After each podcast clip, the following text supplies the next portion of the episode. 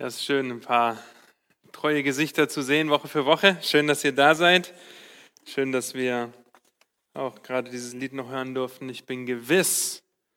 Und dann der Schluss, nur durch Christus in mir. Wir sind weitergekommen im Römerbrief. Wir wollen heute zu Kapitel 2 kommen. Und deshalb ist das Lied umso schöner, wenn wir über die Freude an der Realität des Evangeliums nachdenken und uns gerade in diesem Abschnitt befinden, der eher ein dunkles Bild malt. Und ich bin mir bewusst, dass einige, die diese Predigt hören werden, vielleicht auch einige von euch, die hier sitzt, großes Leid durch andere erfahren haben in ihrem Leben und dass es vielleicht noch nicht dazu gekommen ist, irdische Gerechtigkeit zu erwirken, irdische Gerechtigkeit zu bekommen, indem die Person verurteilt wurde. Und dennoch möchte ich folgendes Beispiel benutzen, weil es wichtig ist, um zu verstehen, worum es heute gehen soll. Denkt an einen Gerichtssaal, in dem eine Gerichtsverhandlung stattfindet. Der Mensch, der verurteilt werden soll, hat dir großes Leid zugefügt. Was würden wir erwarten? Dass der Richter ihn fragt, warst du ein guter Mensch? Warst du ein lieber Junge, ein braves Kind? Und die Antwort des Angeklagten wäre, ja, zum größten Teil ja, aber dieses eine Mal eben nicht. Aber ich bin mir sicher, dass das berücksichtigt wird bei dieser Verhandlung und bei dem, was rauskommt. Der Richter schaut ihn an, denkt kurz nach und sagt, na ja, wenn das das einzige Mal war, dann darfst du gehen. Wie vernichtend wären diese Worte in deinen Ohren, wenn du dort sitzen würdest und zum Beispiel einen geliebten Menschen durch diese Person verloren hast. Und was würde das über den Richter aussagen? Selbst wenn der Angeklagte die meiste Zeit seines Lebens ein guter Mensch war, würden wir in einem Rechtssystem erwarten, dass anhand des Gesetzes gerecht und objektiv gerichtet wird oder nicht. Und wie wir gleich sehen werden, ist Gott nicht so ein Richter, der sagt, ja, dann drücken wir halt ein Auge zu. Und wie hatte wohl derjenige auf die letzte Predigt über den Zorn Gottes reagiert, der meint, ein moralisch guter Mensch zu sein? Und vielleicht kommt uns der reiche Jüngling in den Sinn, über den Dieter bald predigen wird, wenn er zu Markus 10 kommt. Bald. Vielleicht kommt er uns in den Sinn. Hier sehen wir einen selbstgerechten Moralisten, der meinte, ein guter Mensch zu sein, der zu Jesus gekommen ist und fragt, Meister, was soll ich tun? Vor allem spricht er mit guter Lehre an. Und auf die Antwort, die Jesus ihm gibt, nicht zu töten, nicht zu lügen, nicht zu stehlen, sagt dieser reiche Jüngling nur, ah, das habe ich doch alles gemacht. Er war ein guter Mensch, ein moralisch guter Mensch, bis Jesus ihn aufforderte, alles zu verkaufen, was er besaß. Nicht um dem reichen Jüngling damit deutlich zu machen, okay, dadurch wirst du dann in das Reich des Himmels eingehen und ein ewiges Leben haben, sondern um ihm aufzuzeigen, du bist nicht so gut und moralisch, wie du meinst, es zu sein. Der reiche Jüngling ging nicht bußfertig weg, sondern traurig. Wie hätte der reiche Jüngling auf die Predigt von letzter Woche reagiert? Wahrscheinlich hätte er applaudiert. Jawohl! Die Verdorbenen, die unmoralischen Menschen, die haben Gottes Zorn verdient. Die müssen ja Gottes Zorn verdienen. Und das ist ja richtig so, aber ich, ich nicht. Ja, Paulus ist nicht fertig mit seiner Argumentation und der Anklage Gottes, dass die Wahrheit unterdrückt wird. Und so kommt er in dem Abschnitt für heute dazu, ein Skalpell am Moralismus anzusetzen, bei dem Gedanken, ich bin doch ganz gut, um aufzuzeigen, dass nicht nur die unmoralischen Menschen aus Kapitel 1, Vers 18 bis 32 das Evangelium brauchen, sondern auch die moralischen guten Menschen. Und bis jetzt haben wir zwei von vier Menschengruppen angeschaut, die Paulus in Kapitel 1 bis Kapitel 3 anspricht. Die erste Gruppe sind die aus Gnade geretteten Kinder Gottes, zu denen Paulus sich zählt, diejenigen, die ihr Vertrauen auf und ihren Glauben auf Jesus Christus als ihren Herrn und Retter gesetzt haben, die nicht mehr für sich selbst leben, ihr Kreuz auf sich genommen haben, wie ihr letzten Sonntag gehört habt, und Christus nachfolgen, weil Christus für sie am Kreuz gestorben und nach drei Tagen auferstanden ist. Die zweite Gruppe, die wir letzte Woche angeschaut haben, sind die unmoralischen Wahrheitsunterdrücker, die ihren Begierden übergeben werden, die ihren Begierden freien Lauf lassen. Sie brauchen das Evangelium. Und jetzt kommt er zur dritten Gruppe, Kapitel 2, Vers 1 bis 16. Das sind die, die sagen, das ist richtig so, denen geschieht das Recht, diesen unmoralischen, wir sind so dankbar, nicht so schlimm zu sein wie die. Aber wie wir in den Abschnitt sehen werden, spricht Paulus jetzt die an, die sich genauso überheben, moralisch überheben. Die Menschen, die ihr Leben aus eigener Kraft erretten wollen, haben wollen, gut sein wollen. Aber wie Jesus und auch Paulus deutlich machen, Jesus, wenn ihr euch an die Predigt von letztem Sonntag erinnert, dass wir unser Kreuz auf uns nehmen sollen und nachfolgen sollen und Wer sein Leben behalten will, der wird es verlieren. Wer sein Leben verliert um meinetwillen, der wird es erhalten oder behalten. Ihr Lieben, Jesus und Paulus machen deutlich, selbst die moralisch guten Menschen benötigen das Evangelium. Und so lasst uns Römer Kapitel 2 gemeinsam lesen. Römer 2 und uns drei Wahrheiten des gerechten Gerichtes Gottes über den Ungläubigen sehen. Weil darum geht es in dem Text letztendlich um das unparteiische Gericht Gottes. Römer 2, ab Vers 1, Gottes Wort sagt, darum bist du nicht zu entschuldigen, o oh Mensch, wer du auch seist, der du richtest. Denn worin du den anderen richtest, verurteilst du dich selbst. Denn du, der du richtest, verübst ja dasselbe. Wir wissen aber, dass das Gericht Gottes der Wahrheit entsprechend über die ergeht, welche so etwas verüben. Denkst du etwa, o oh Mensch, der du die richtest, welche so etwas verüben und doch das Gleiche tust, dass du dem Gericht Gottes entfliehen wirst? Oder verachtest du den Reichtum seiner Güte, Geduld und Langmut und erkennst nicht, dass dich Gottes Güte zur Buße leitet?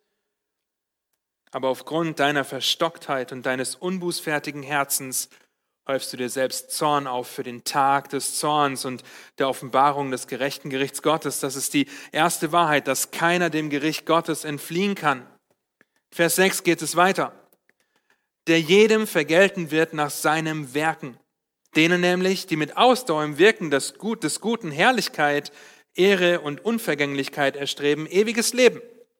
Denen aber, die selbstsüchtig und der Wahrheit ungehorsam sind, dagegen der Ungerechtigkeit gehorchen, Grimm und Zorn. Drangsal und Angst über, jeden Mensch, über jede Menschenseele die das Böse vollbringt, zuerst über den Juden, dann auch über den Griechen. Herrlichkeit aber und Ehre und Friede jedem, der das Gute tut, zuerst dem Juden, dann auch dem Griechen. Denn bei Gott gibt es kein Ansehen der Person. Das ist die zweite Wahrheit des gerechten Gerichts, dass Gott durch Glauben rettet, aber die Werke richtet. Vers 12. Alle nämlich, die ohne Gesetz gesündigt haben, werden auch ohne Gesetz verloren gehen und alle, die unter dem Gesetz gesündigt haben, werden durch das Gesetz verurteilt werden. Und jetzt kommt ein Einschub, ein Klammer auf bis Vers 15. Denn vor Gott sind nicht die gerecht, welche das Gesetz hören, sondern die, welche das Gesetz befolgen, sollen gerechtfertigt werden. Wenn nämlich Heiden, die das Gesetz nicht haben, doch von Natur aus das tun, was das Gesetz verlangt, so sind sie, die das Gesetz nicht haben, sich selbst ein Gesetz, da sie ja, da sie ja beweisen, dass das Werk des Gesetzes in ihre Herzen geschrieben ist, was auch ihr Gewissen bezeugt. Dazu ihre Überlegungen, die sich untereinander verklagen oder auch entschuldigen. An dem Tag, da Gott das Verborgene der Menschen durch Jesus Christus richten wird, nach, nach meinem Evangelium, die dritte Wahrheit, dass Gott das Verborgene richten wird. Nun, dieser Text ist herausfordernd und er hält uns dazu an, vorher ins Gebet zu gehen, bevor wir uns mit diesen drei Wahrheiten beschäftigen. Und so möchte ich kurz mit uns beten. Herr, gebrauch du dein Wort, um uns zu überführen, um uns zu ermutigen, zu ermahnen, anzuspornen und vor allem um uns selbst zu prüfen anhand deines Wortes, ob wir uns in dieser Kategorie wiederfinden. Gebrauch du dein Wort zum Reden, gebrauch du meine Lippen zum Sprechen und gebrauch du unsere Herzen zum Hören deiner Wahrheit, Herr. Amen. Nun, wenn du die Angewohnheit hast, Bibel in deiner, Dinge in deiner Bibel zu unterstreichen oder anzustreichen, dann wirst du heute einige Möglichkeiten dazu haben. Wenn wir die ersten Verse lesen, dann stellen wir fest, dass niemand dem Gericht Gottes entkommen kann. Und eigentlich, das habt ihr häufig gehört schon, kennt die Bibel keine Kapitel- und Verseinteilung in den einzelnen Büchern der Schrift. Ja, das heißt, der Römerbrief wurde von Paulus nicht mit Römer 1, Vers 1, 2, Vers 1, 3, Vers 1 und so weiter verfasst, sondern es war ein Brief von Anfang an. Und so reiht sich Kapitel 2, was wir als Kapitel 2 haben, nahtlos an Kapitel 1 an. Das bedeutet, dass Paulus seine Argumentation des geoffenbarten Zornes Gottes aus Vers 18 fortsetzt und sich jetzt an alle die wendet, die nach den ersten Versen applaudiert hätten. Ja, gesagt hätten, super, jawohl, die Unmoralischen sind zu verurteilen. Und hier ist eure erste Markierungsmöglichkeit. Darum bist du nicht zu entschuldigen. Dasselbe Wort wie in Kapitel 1, Vers 20. Keine Entschuldigung, wer den Schöpfer in seiner Schöpfung nicht wahrnimmt, aber auch keine Entschuldigung, wer jetzt meint, aufgrund seiner moralischen seines moralischen Gutdenkens sich überheben zu dürfen, es nicht zu entschuldigen. Warum? Hier, weil sie sich über das, was vorangegangen geschrieben wurde, überheben. Sie richten und im Endeffekt, wenn ihr das genau lest, verüben sie dasselbe. Vers 1, Vers 2 und Vers 3. Und das ist noch ein Meisterschlag aus der Feder von Paulus und unsere nächste Möglichkeit, etwas anzustreichen. Und in unserem Text für heute zeigt er auf, dass moralische Menschen, die meinen gut zu sein, dasselbe tun. Und das greift er auf aus Vers 32 und was vorher schon steht. Sie tun dasselbe. Wenn ihr Vers 32 in Kapitel 1 lest, dann seht ihr, sie haben auch Gefallen an denen, die sie verüben, die dasselbe tun, die das verüben, die so etwas verüben, die das Gleiche tun. Es ist dasselbe Wort im Griechischen. Paulus greift das dreimal auf, um klarzumachen, moralisch gute Menschen benötigen das Evangelium ganz genauso wie die unmoralischen aus Kapitel 1. Denn keiner kann dem gerechten Gericht Gottes entfliehen. Ja, das sehen wir in den ersten fünf Versen. Und dennoch errichten sich die moralischen Gutmenschen eigene Maßstäbe, anhand derer sie andere richten. Und das Richten ist an und für sich nicht schlecht, wenn wir richten, und zwar aus der richtigen Motivation richten. Ja, Paulus richtet streng, weist streng zurecht, wenn es um falsche Lehrer oder um Sünde geht.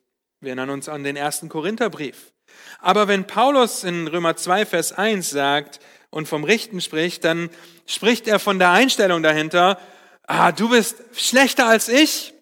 Vielen Dank dafür, weil das hilft mir, dass ich mich besser dabei fühle, wenn ich mich mit dir vergleiche. Wenn ich mich mit dir vergleiche, dann geht's mir gut, weil du so viel schlechter dran bist oder so viel schlechter bist als ich. Und so ist es wichtig, dass wir uns kurz anschauen, wie Gottes Gerechtigkeit definiert wird. Denn wenn wir einen anderen Maßstab anlegen als den, den Gott anlegt, dann werden wir schnell zu dem Punkt kommen, wo wir sagen, du musst nur das und das und das und das tun und dann wirst du das Ziel schon erreichen, weil du ganz gut sein wirst. Und das ist das, was moralische Menschen tun. Sie errichten sich einen Maßstab, einen eigenen Maßstab, anhand dem sie alles richten, und den sie scheinbar einhalten können. MacArthur sagt es treffend, Zitat, es ist eine universelle Versuchung, die Fehler anderer zu betonen und gleichzeitig die eigenen zu minimieren. Ein kleiner, einen kleinen Splitter in jemandes Auge zu bemerken, aber nicht den Balken im eigenen. Und so hoffe ich, dass ihr hier sitzt und ihr, die ihr zuschaut, mit der Perspektive zuschaut, okay, wo finde ich mich vielleicht wieder? Ich, sogar als errettetes Kind, dass ich über meinen Brillenrand gucke und mich über die anderen erhebe. Zum Beispiel über meine Kinder, die das nicht so machen, wie ich das will. Oder meinen Mann oder meine Frau, wenn ich denke, oh, ich könnte das so viel besser. Lasst uns diese Worte nicht nur so lesen, dass wir sehen, dass Ungläubige damit gemeint sind, sondern uns selber prüfen und sehen, ob wir vielleicht dazu tendieren, moralische Gutmenschen zu sein, die einen eigenen Maßstab aufbauen, der nicht anhand der Schrift, sondern anhand unserer eigenen Erfahrung, Überzeugung gemessen wird. Und wir sehen in Kapitel 2, Vers 2, dass das Gericht Gottes der Wahrheit entspricht. Die Wahrheit und Gerechtigkeit werden von Gott definiert, nicht von uns. In dem Buch Biblische Lehre heißt es folgendes über Gottes Gerechtigkeit, Zitat, Gottes Gerechtigkeit ist seine vollkommene, absolute Rechtschaffenheit in und gegenüber sich selbst. Bedeutet, Gott ist das Maß aller Dinge. Er legt die Grundlage, er ist die Legislative und die Exekutive. Und weil Gottes Wahrheit und Gottes Gerechtigkeit der Maßstab für sein gerechtes Gericht sind, ist kein Mensch zu entschuldigen. Niemand kann dem Gericht Gottes entfliehen. Zitat. Gott aber nimmt keine Rücksicht auf Geburt, Geschlecht, Alter oder religiöses Bekenntnis. Er richtet nach der Wahrheit. Ihr Lieben, das ist das große Thema dieser 16 Verse, dass Gott unparteiisch ist. Vers 11. Dass er nicht aufgrund unserer Abstammung, Erfahrung, Erziehung, Vorlieben oder Vorstellung oder Umstände richtet, sondern anhand seiner Wahrheit richtet. Bei Gott gibt es kein Ansehen der Person. Und wenn wir in die Schrift schauen, dann geht es Gott immer darum, das Herz zu offenbaren. Der moralisch gute Mensch mag nach außen hin gut sein, gut dastehen, aber sein Herz ist ebenso verdorben und sündig wie der offensichtlich unmoralische Mensch. Er verübt dasselbe. Darum bist du nicht zu entschuldigen, o oh Mensch, wenn du für den anderen richtest und verurteilst. Das machst du selbst. Das, was in den Versen vorher steht, nicht nach außen, aber im Herzen. Am Maßstab Gottes ist keiner gerecht, auch nicht einer. Das sehen wir in Kapitel 3, zu dem wir, so Gott will, in zwei Wochen kommen. Das Problem ist, dass der moralische Mensch denkt, dass er diesem Gericht entfliehen kann, wie wir in Vers 3 sehen, weil er sich nicht dessen bewusst ist, dass er sich der Sünde der vorangegangenen Verse schuldig gemacht hat. Hier, wie wir ab Vers 17 noch sehen werden, spricht Paulus primär den Juden an, der sich etwa auf seine Abstammung, seine Moral eingebildet hat, das Gesetz, das er von Gott bekommen hat. Nun, in Vers 3 heißt es, denkst du etwa, eine andere Übersetzung wäre, rechnest du damit, dass du dem Gericht Gottes entfliehen wirst? Rechnest du damit, rechnest du wirklich damit, wenn es bei Gott, der objektiv an seiner Wahrheit richtet, der kein Ansehen der Person hat, rechnest du wirklich damit, dass er dich entkommen lässt? Und das ist das, was der Gutmensch denkt. Er kann dieser Wahrheit entkommen. Aber wenn Gottes Wort der Maßstab ist, seine Wahrheit der Maßstab ist, dann versagen wir alle und brauchen Erlösung. Aber das müsste nicht so sein, denn wir haben einen gütigen, langmütigen und geduldigen Gott. Vers 4. Und die ersten fünf Verse, nur falls ihr die Uhr im Blick habt, werden etwas länger brauchen als der Rest, weil das ist das Fundament für das, was folgt. Vers 4 sehen wir, dass die moralisch guten Menschen, vor allem die Juden zur damaligen Zeit, die Güte, die Liebe, äh, die Güte, die Langmut und Geduld Gottes verachtet haben. Wörtlich herabgeblickt darauf. Verachtest du bedeutet auf etwas herabblicken, sich über etwas überheben, etwas herabwürdigen. Und es wird unter anderem in Matthäus 6, Vers 24 verwendet, wo es heißt, niemand kann zwei Herren dienen, denn entweder wird er den einen hassen und den anderen lieben, oder er wird den einen anhängen und den anderen verachten. Ihr könnt nicht Gott dienen und dem Mammon. Eine Person, die sich selbst zum Maßstab macht und sich richtend über andere erhebt, weil sie den eigenen Ansprüchen nicht gerecht wird, überhebt sich und verachtet letztendlich Gott. Wozu ist die Güte, Langmut und Geduld Gottes da? Was steht im Text? Damit der Moralist fröhlich weiter sündigen kann. Nein. Wozu ist es da? Zur Buße. Sie leitet zur Buße. Das wahre Gesetz Gottes ist nicht zuerst dazu da, es einzuhalten, sondern um festzustellen, dass es unmöglich ist, es einzuhalten. Dazu dürft ihr das ganze Galater, ganz Galater 3 lesen, um das mehr zu sehen. Aber in Galater 3, Vers 24 heißt es ganz deutlich, so ist also das Gesetz ein Lehrmeister geworden auf Christus hin, damit wir aus Glauben gerechtfertigt würden. Es weist auf Christus hin dass wir Christus nötig haben, der stellvertretend für unsere Schuld, für unsere Sünde, für unsere Unzulänglichkeit, das Gesetz einzuhalten, am Kreuz gestorben ist. Verachte die Güte Gottes nicht. Und wenn wir daran denken, dass er den Juden seinen ganzen Ratschluss im Alten Testament offenbart hat, wie er uns den Ratschluss offenbart in seinem Wort, lasst uns das nicht verachten. Lasst uns das nicht verachten. Verachte das nicht, wenn du zuschaust und nicht gläubig bist. Du fällst nicht auf der Stelle tot um, wenn du in deinen Gedanken, in deinem Herzen das tust, das sagst oder das denkst, was Gott nicht gefällt oder das unterlässt, was er möchte. In dem Moment, in dem wir richten oder in dem du richtest, überheben wir uns, überhebst du dich über Gott und andere, weil du dich selbst oder die Gesellschaft um dich herum zum Maßstab aller Dinge machst. Und der Aufruf, der folgt, ist, tue Buße.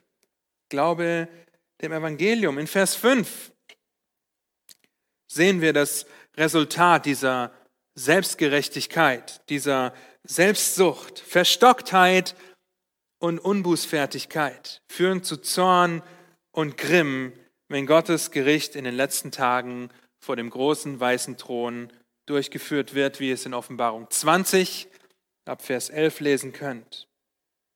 Jeder, der Gott verachtet, häuft sich Zorn und Grimm auf. Aufgrund der Verstocktheit und der Unbußfertigkeit der Herzen, Verstocktheit und Unbußfertigkeit werden im Alten Testament immer wieder mit dem Götzendienst des Volkes Israel assoziiert.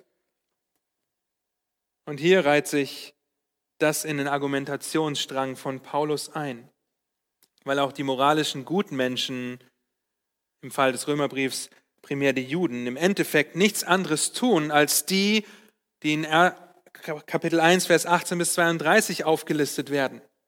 Sie machen etwas Gutes zu ihrem Gott von dem sie sich Befriedigung, Errettung, ein gutes Gefühl wünschen. Die Heuchelei und der Hochmut sind im Endeffekt aber nichts anderes als ein Schuldenkatalog, der Sünde um Sünde um Sünde hinzufügt, die im Grimm und im Zorn Gottes resultieren, wie wir schon in Kapitel 1, Vers 18 gesehen haben. Noch eine Verbindung. Nicht nur der Unmoralische wird unter Gottes Zorn kommen, sondern auch der, der meint, gut zu sein. Weil Gott nicht nur in Wahrheit richtet, in Vers 2, sondern in Vers 5, gerecht richten wird. Und er richtet jeden, der die Wahrheit Gottes mit allen Mitteln versucht zu unterdrücken. Und da Gott der perfekte Richter ist, der eines Tages anhand seiner Wahrheit Gerechtigkeit üben wird, sollte die Frage also nicht sein, wie kann ich auf dieser Welt möglichst gut sein? Ja, wie kann ich auf dieser Welt möglichst viel von meinem Vermögen in gemeinnützige Vereine geben oder Brot für die Welt und irgendwelche anderen Dinge, wie sich viele Prominente verpflichten, die Hälfte ihres Vermögens zu spenden, wenn sie sterben. Nun, das sollte nicht die Frage sein, wie kann ich möglichst gut sein, sondern wie werde ich vor einem wahrhaft gerechten Gott dastehen, der gerecht richten muss? Das ist die Frage, die wir stellen müssen.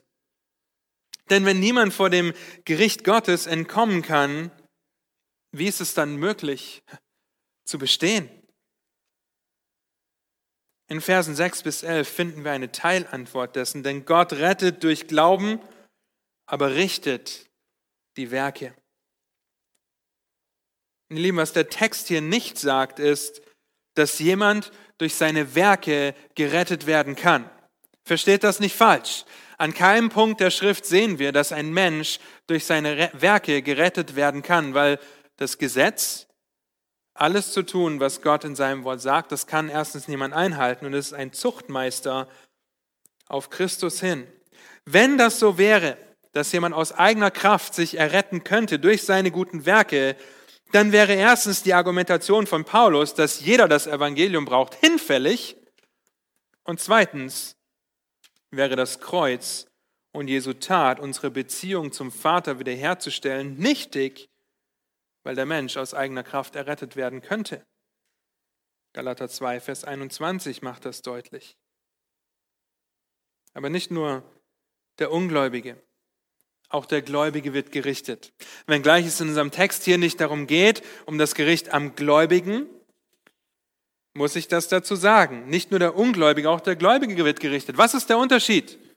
Der Unterschied ist, dass der Ungläubige aufgrund seiner Werke zur Verdammnis gerichtet und der Gläubige aufgrund seiner Werke einen Preis erhält. Das Preisgericht in Römer 14 und 15 wird noch mehr darauf eingehen und Paulus wird auf das Gericht für den Gläubigen zurückkommen. In Vers 6, der jedem vergelten wird nach seinen Werken, zitiert Paulus Psalm 62, Vers 13 und Sprüche 24, Vers 12. Und er macht deutlich, dass Gott schon immer so gehandelt hat und dass Gott sich dadurch nicht ändert. In Vers 5 haben wir vom Anhäufen gesprochen, dass sie sich den Zorn und den Grimm anhäufen. Ein Begriff aus dem Bankwesen, um etwas anzusparen. Okay, sich etwas anzuhäufen, wenn ihr jeden Monat etwas beiseite legt, dann wird der Kontostand über die Zeit mehr. Und genauso ist es mit den Sünden, die sich anhäufen ein Begriff aus dem Bankwesen. In Vers 6 finden wir einen anderen Begriff aus dem Bankwesen, vergelten. Es ist das Auszahlen dessen, was sich der Ungläubige angehäuft hat. Der Lohn der Sünde ist der Tod. Römer 6, Vers 23. Und Gott richtet die Werke. Und Gott wird jedem gerecht vergelten. Das ist der Tag des Gerichts, den er in Vers 16 von Kapitel 2 gebraucht. Der Tag des Gerichts am Ungläubigen. Okay? Vers 6 gekoppelt mit Vers 11 zeigt auf, dass Gott das ohne Ansehen der Person tun wird. Ein Kommentator merkt an, Zitat, die Fakten sind alle in den himmlischen Archiven verzeichnet. Wenn das Urteil gefällt wird, geschieht das aufgrund bewiesener Tatbestände und niemand wird Berufung einlegen können, weil der, Gericht, weil der Richter nicht weil der Richter nicht kompetent oder weil sein Urteil fehlerhaft gewesen wäre. Gott ist absolut unparteiisch, richtet nach seiner Wahrheit und in seiner Gerechtigkeit. Er ist unbestechlich darin, zu richten. Und hier haben wir wie ein, wie ein zweischneidiges Schwert, wenn ihr so wollt. Ja, denn wenn Gott unparteiisch ist, dann richtet und rettet er ohne Ansehen der Person. Vers 9 und 10 seht ihr, dass das zuerst an den Juden gerichtet ist und dann an den Griechen. Und zuerst dem Juden, dann dem Griechen. Das kommt uns bekannt vor, weil Paulus das das erste Mal aufgreift in Kapitel 1, Vers 16. Dass das Evangelium die Kraft hat zu retten. Für jeden, der glaubt, zuerst für den Juden, dann für den Griechen. Wir sehen also, Gott rettet zuerst den Juden, dann den Griechen. Gott verurteilt zuerst den Juden, dann den Griechen. Eine weitere Markierungsmöglichkeit, wenn ihr möchtet. Ja, Gott wird nicht darauf schauen, was du alles durchgemacht hast, was der moralische Gutmensch alles gemacht hat, in welchen Verhältnissen er aufgewachsen ist, welche Privilegien er genossen hat oder was auch immer alles passiert ist. Wenn du hier sitzt als Mensch, der meint, ganz gut zu sein, dann wirst du eines Tages vor einem unparteiischen Gott stehen, der dir nach deinen Werken anhand seines objektiven Maßstabs der Wahrheit vergelten wird. Er wird dich ausbezahlen, wenn du Christus nicht als dein Herrn und Retter bekennst. Schieb die Schuld nicht auf andere. Der andere ist niemals schuld an deiner Sünde. Deine Umstände sind niemals schuld an deiner Sünde. Aber das machen moralische Gutmenschen. Sie suchen die Ausrede woanders. Sie vergleichen sich und finden immer jemand, der schlechter ist als einer selbst. Das heißt, ob du dem Evangelium Gottes glaubst oder nicht, ist völlig egal, weil objektiv betrachtet ist das die Wahrheit. Das die Realität. Das ist das Wort Gottes. Und wenn Gottes Wort sagt, dass Gott unparteiisch richten wird, dann wird das eintreten, ob du das glaubst oder nicht. Das hat Konsequenzen von ewigem Ausmaß. Denn wahrer Glaube demonstriert sich durch Ausdauer. Vers 7. Steve Lawson, ein Prediger, sagt dazu, dieser Abschnitt lehrt das Durchhaltevermögen der Heiligen. Es bedeutet mit Beständigkeit und Standhaftigkeit während des gesamten christlichen Lebens auszuharren. Das ist aber nur möglich, indem der Gläubige in Christus ist. Vers 6 nee, Vers 7 und 8, Vers 7 und 10, Entschuldigung, ja, sprechen von einem Gläubigen, der in Christus ist. Wenn Gott vergelten wird, dann müssen wir irgendwie Teilhaber, Anteilnehmer oder Besitzer der Gerechtigkeit Gottes sein. Okay, aus uns selbst werden wir sie niemals heraus erwirken können. Sonst könnte ein Gläubiger niemals bestehen. Kolosser 1, Vers 21 bis 23 machen das deutlich. Da heißt es, schreibt Paulus an die Kolosser, auch euch, die ihr einst entfremdet und feindlich gesinnt wart in den bösen Werken, hat er jetzt versöhnt in dem Leib seines Fleisches durch den Tod, um euch heilig und tadellos und unverklagbar darzustellen vor seinem Angesicht. Wenn ihr nämlich im Glauben gegründet und fest bleibt, und euch nicht abbringen lasst von der Hoffnung des Evangeliums, das ihr gehört habt, das verkündigt worden ist in der ganzen Schöpfung, die unter dem Himmel ist und dessen Diener ich, Paulus, geworden bin.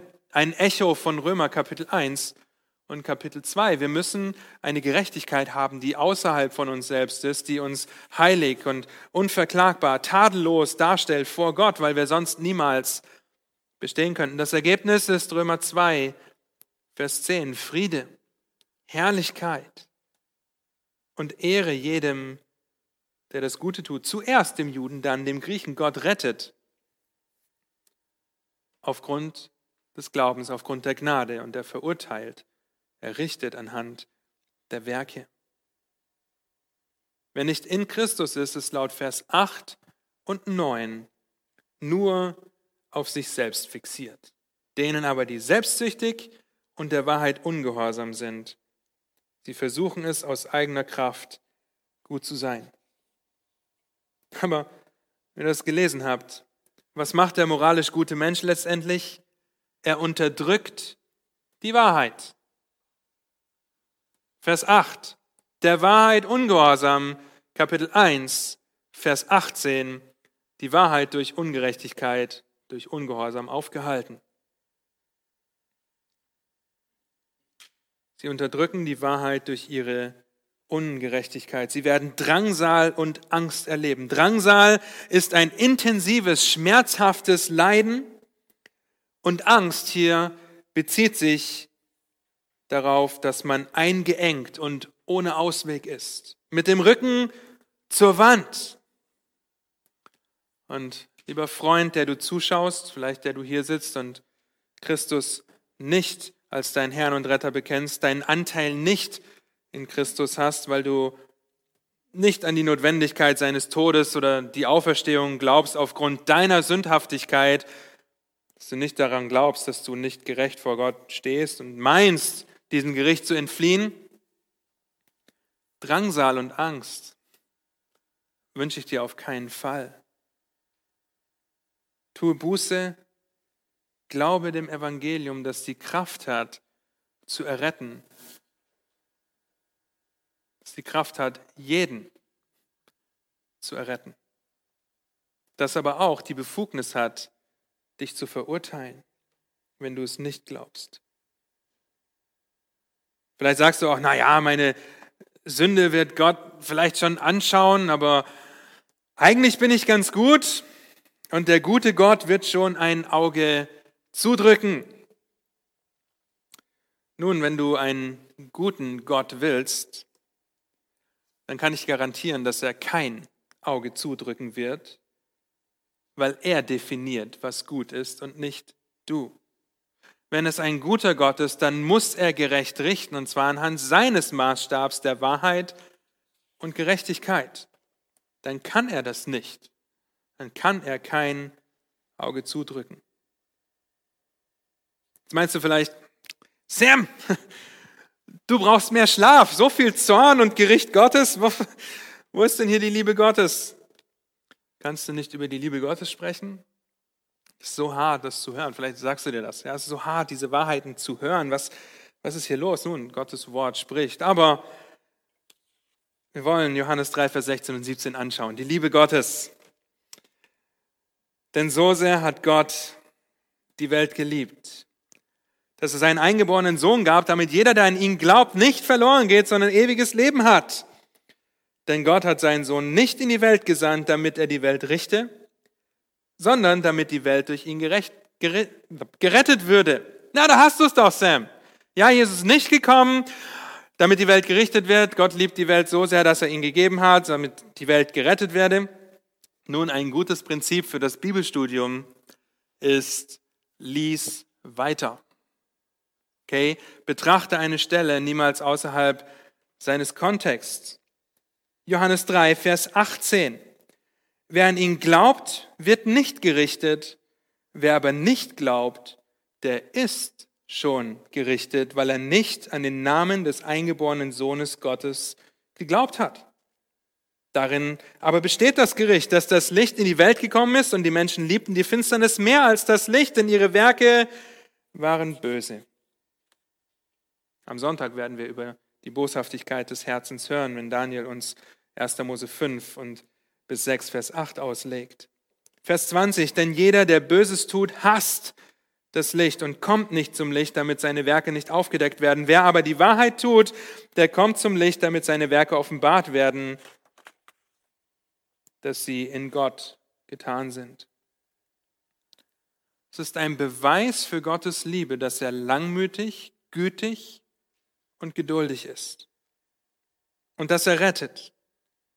Aber jeder, der das nicht glaubt, ist schon gerichtet, wie wir gerade gelesen haben. Und das sehen wir in Römer 2, Vers 12 bis 16. Gott wird das Verborgene eines Tages, wenn wir Johannes 3, Vers 16 bis 21 lesen, dass die Menschen in der Finsternis bleiben wollten. Aber Gott wird das Verborgene eines Tages ins Licht bringen. Er wird gerecht richten, und zwar das, was im Herzen ist, ohne Ansehen der Person, egal ob Jude oder Grieche, egal ob unter dem Gesetz oder ohne das Gesetz. Das Herz wird offengelegt. Verse 12 bis 15 sprechen davon, bis 16 sprechen davon. Aber Vers 12 und 13, da sehen wir, dass das Gesetz nicht nur gehört werden sollte, sondern auch getan werden sollte. Es sollte umgesetzt werden. 3. Mose 18, Vers 5, da heißt es, darum sollt ihr meine Satzungen und meine Rechtsbestimmungen halten, denn der Mensch, der sie tut, wird durch sie leben. Ich bin der Herr. Und kein Mensch kann das Gesetz perfekt tun, weil es ein Zuchtmeister ist, auf Christus hin, damit wir durch Glauben gerechtfertigt würden. Dementsprechend wird Gott nach dem Gesetz verurteilen. Und wenn du heute hier sitzt oder zuschaust und nicht glaubst, dann setzt du dich dem Wort Gottes aus, dem Gesetz aus und wirst aufgrund dessen, was das Wort Gottes sagt, vernichtet, verurteilt. Okay, sagst du, dann halte ich mir ab jetzt die Ohren zu und hör nicht mehr zu, komm nicht mehr hierher, aber auch ohne das Gesetz wirst du verloren gehen, wie der Text das eindeutig sagt. Und dann kommt in Versen 13 bis 15 dieser Einschub. Ein Einschub, ein Klammer auf, Klammer zu. In Vers Kapitel 1, Vers 20 sehen wir, wie die Schöpfung den Menschen unentschuldbar macht. Und in Kapitel 2, Vers 15 sehen wir, wie Gott das Gesetz ins Herz geschrieben hat, wovon das Gewissen zeugt. Das Werk des Gesetzes in die Herzen geschrieben, von das Gewissen zeugt. Lieben, dieser Einschub ist wichtig, denn wir sehen, dass jeder Mensch ein Gewissen hat und dass jeder Mensch ein Grundverständnis für richtig und für falsch hat. Hätte Gott das nicht in unsere Herzen gelegt, wüssten wir das nicht. Das heißt aber nicht, dass hier steht, dass jeder Mensch irgendwann gerettet wird, weil das Werk des Gesetzes in die Herzen geschrieben ist. Nein, hier geht es darum, dass der Mensch sehen kann und ein grundsätzliches Verständnis von dem hat, was gut und was böse ist. Wenn ich jemanden ermorde, weiß ich, dass das nicht richtig sein kann. Kann ich das unterdrücken? Ja. Kann ich mein Gewissen so abstumpfen, dass ich Mord um Mord begehe? Ja. Aber das Gesetz ist dennoch am Wirken in meinem Herzen und als moralischer Gutmensch wird mein Gewissen das bezeugen. Wird mein Gewissen mich im Endeffekt ohne Entschuldigung vor Gott dastehen lassen, weil es das offenbart, was richtig und was falsch ist. Das Verdeckte wird offenbar. Jeder moralisch noch so gute Mensch wird eines Tages vor dem Thron Gottes, wenn er stirbt und in die Ewigkeit eingeht, alle seine Gedanken, jede Tat, jedes Wort gerichtet bekommen. Alles wird aufgedeckt. Okay, alles wird aufgedeckt und dann wird jeder Mund verstopft. Dann wird ein moralischer Gutmensch, der sich auf dieser Welt erhoben hat und überhoben hat und gerichtet hat, dann wird er klein dastehen und hat keinen Einspruch, keinen Widerspruch, geschweige denn einen Freispruch, weil die Güte Gottes verachtet wurde, solange noch Zeit zur Buße war. Hebräer 4, Vers 12 und 13. Vers 12 kennt ihr, wenn ihr die Verse aus Wort im Herzen mit auswendig lernt, denn das Wort Gottes ist lebendig und wirksam und schärfer als jedes zweischneidige Schwert. Und es dringt durch, bis es scheidet. Sowohl Seele als auch Geist, sowohl Mark als auch Bein. Und es ist ein Richter der Gedanken und Gesinnungen des Herzens. Hier steht nicht ein Richter der nach außen in tollen Taten, sondern der Gedanken und Gesinnung des Herzens. Vers 13 ist wichtig. Und kein Geschöpf ist vor ihm verborgen, sondern alles ist enthüllt und aufgedeckt vor den Augen dessen, dem wir Rechenschaft zu geben haben. Hört mir gut zu, schaut mich an, wenn ihr das möchtet. Das Evangelium hat die Kraft zu erretten, aber dasselbe Evangelium hat auch die Befugnis, dich zu verurteilen, wie ihr in Vers 16 lesen könnt. Wer nicht glaubt, der ist schon gerichtet. Wie wirst du vor einem gerechten Gott stehen? Wenn du heute Nacht stirbst oder auf dem Weg nach Hause überfahren wirst, fällst du in die Kategorie, dass du bis dahin gedacht hast, eigentlich bin ich ganz gut. Irgendwie wird das schon. Nun, dann wirst du völlig entblößt vor Gott stehen und alles, jeder Gedanke, jedes Wort, jede Tat, jede Motivation, alles, was dein Herz jemals bewegt hat, wird aufgerollt und der gute Gott wird objektiv anhand seiner Wahrheit gerecht richten. Und du wirst kein Argument dagegen finden, kein Argument haben, dein Mund wird verstopft sein. Im Evangelium wirst du mit der Gerechtigkeit Christi überkleidet. Und so ist meine Bitte an dich, steh nicht nackt vor deinem Schöpfer. Tue Buße und glaube an die Realität des Evangeliums, das die Kraft hat zu erretten oder zu verurteilen. Nun, Geschwister, gläubige Geschwister, die ihr zuhört, wo überhebst du dich über andere? Über deine Arbeitskollegen, weil sie sich nicht so verhalten, wie du das gut findest. Oder über deine Kinder, weil es dir zu lange dauert und das Ergebnis ist, ja, kann man drüber streiten. Oder deine Ehe, wenn mein Mann, meine Frau das macht, dann wird es nichts, also mache ich das lieber selbst. Oder über andere, über deine Geschwister hier in der Gemeinde. Wenn sie nur das und das tun würden, dann, ja, dann würde ich auch mit ihnen klarkommen. Wo überhebst du dich über andere. Und auf der anderen Seite, nimm es nicht auf die leichte Schulter, wenn deine Mitmenschen scheinbar gut sind. Und die meisten von euch in den Berufen, die ihr habt oder in der Nachbarschaft, die ihr habt, leben in diesem Dilemma, dass der Mensch meint, eigentlich ganz gut zu sein. Die wenigsten von uns leben in einem Umfeld in Versen 18 bis 32 aus Kapitel 1. Die meisten von uns leben in Kapitel 2, Vers 1 bis 16. Der Mensch meint eigentlich ganz gut zu sein und Gott wird schon ein Auge zudrücken. Nun, verkündige deine Freude an der Realität des Evangeliums, das davon spricht, dass kein Mensch gut vor Gott steht, es sei denn, Christus errettet ihn. Es sei denn, er tut Buße. Verkündige die Freude der Realität des Evangeliums, das davon spricht, dass selbst der moralischste, der beste Mensch verloren gehen wird, weil er vor dem gerechten Gott, vor dem gerechten Gericht Gottes stehen wird und das Urteil empfängt, das anhand von Gottes Wahrheit festgemacht wird. Lasst uns das Evangelium verkündigen, dort, wo Gott uns hingestellt hat, damit Gott rettet, wer verloren ist. Lasst mich noch beten.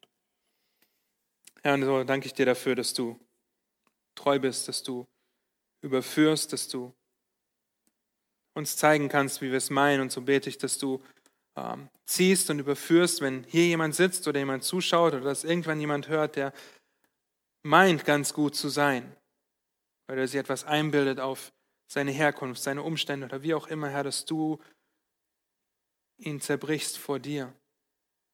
Dass du ihn zur Buße führst, weil du ein langmütiger Gott bist, dass du ihn zur Buße führst und er ein Kind Gottes sein wird. Herr, denn du rettest ohne Ansehen der Person und du richtest ohne Ansehen der Person. Und so danke ich dir für dein Wort. Bete, dass es uns überführt, dass wir uns prüfen, wo wir uns über andere überheben, wo wir richten und es aufspielen, wo wir aber wissen, dass wir nur in dir gerecht vor dir stehen können. Lass uns ein Zeugnis sein für dich, lass uns die Freude an der Realität des Evangeliums verkündigen, zu deiner Ehre, Herr. Amen.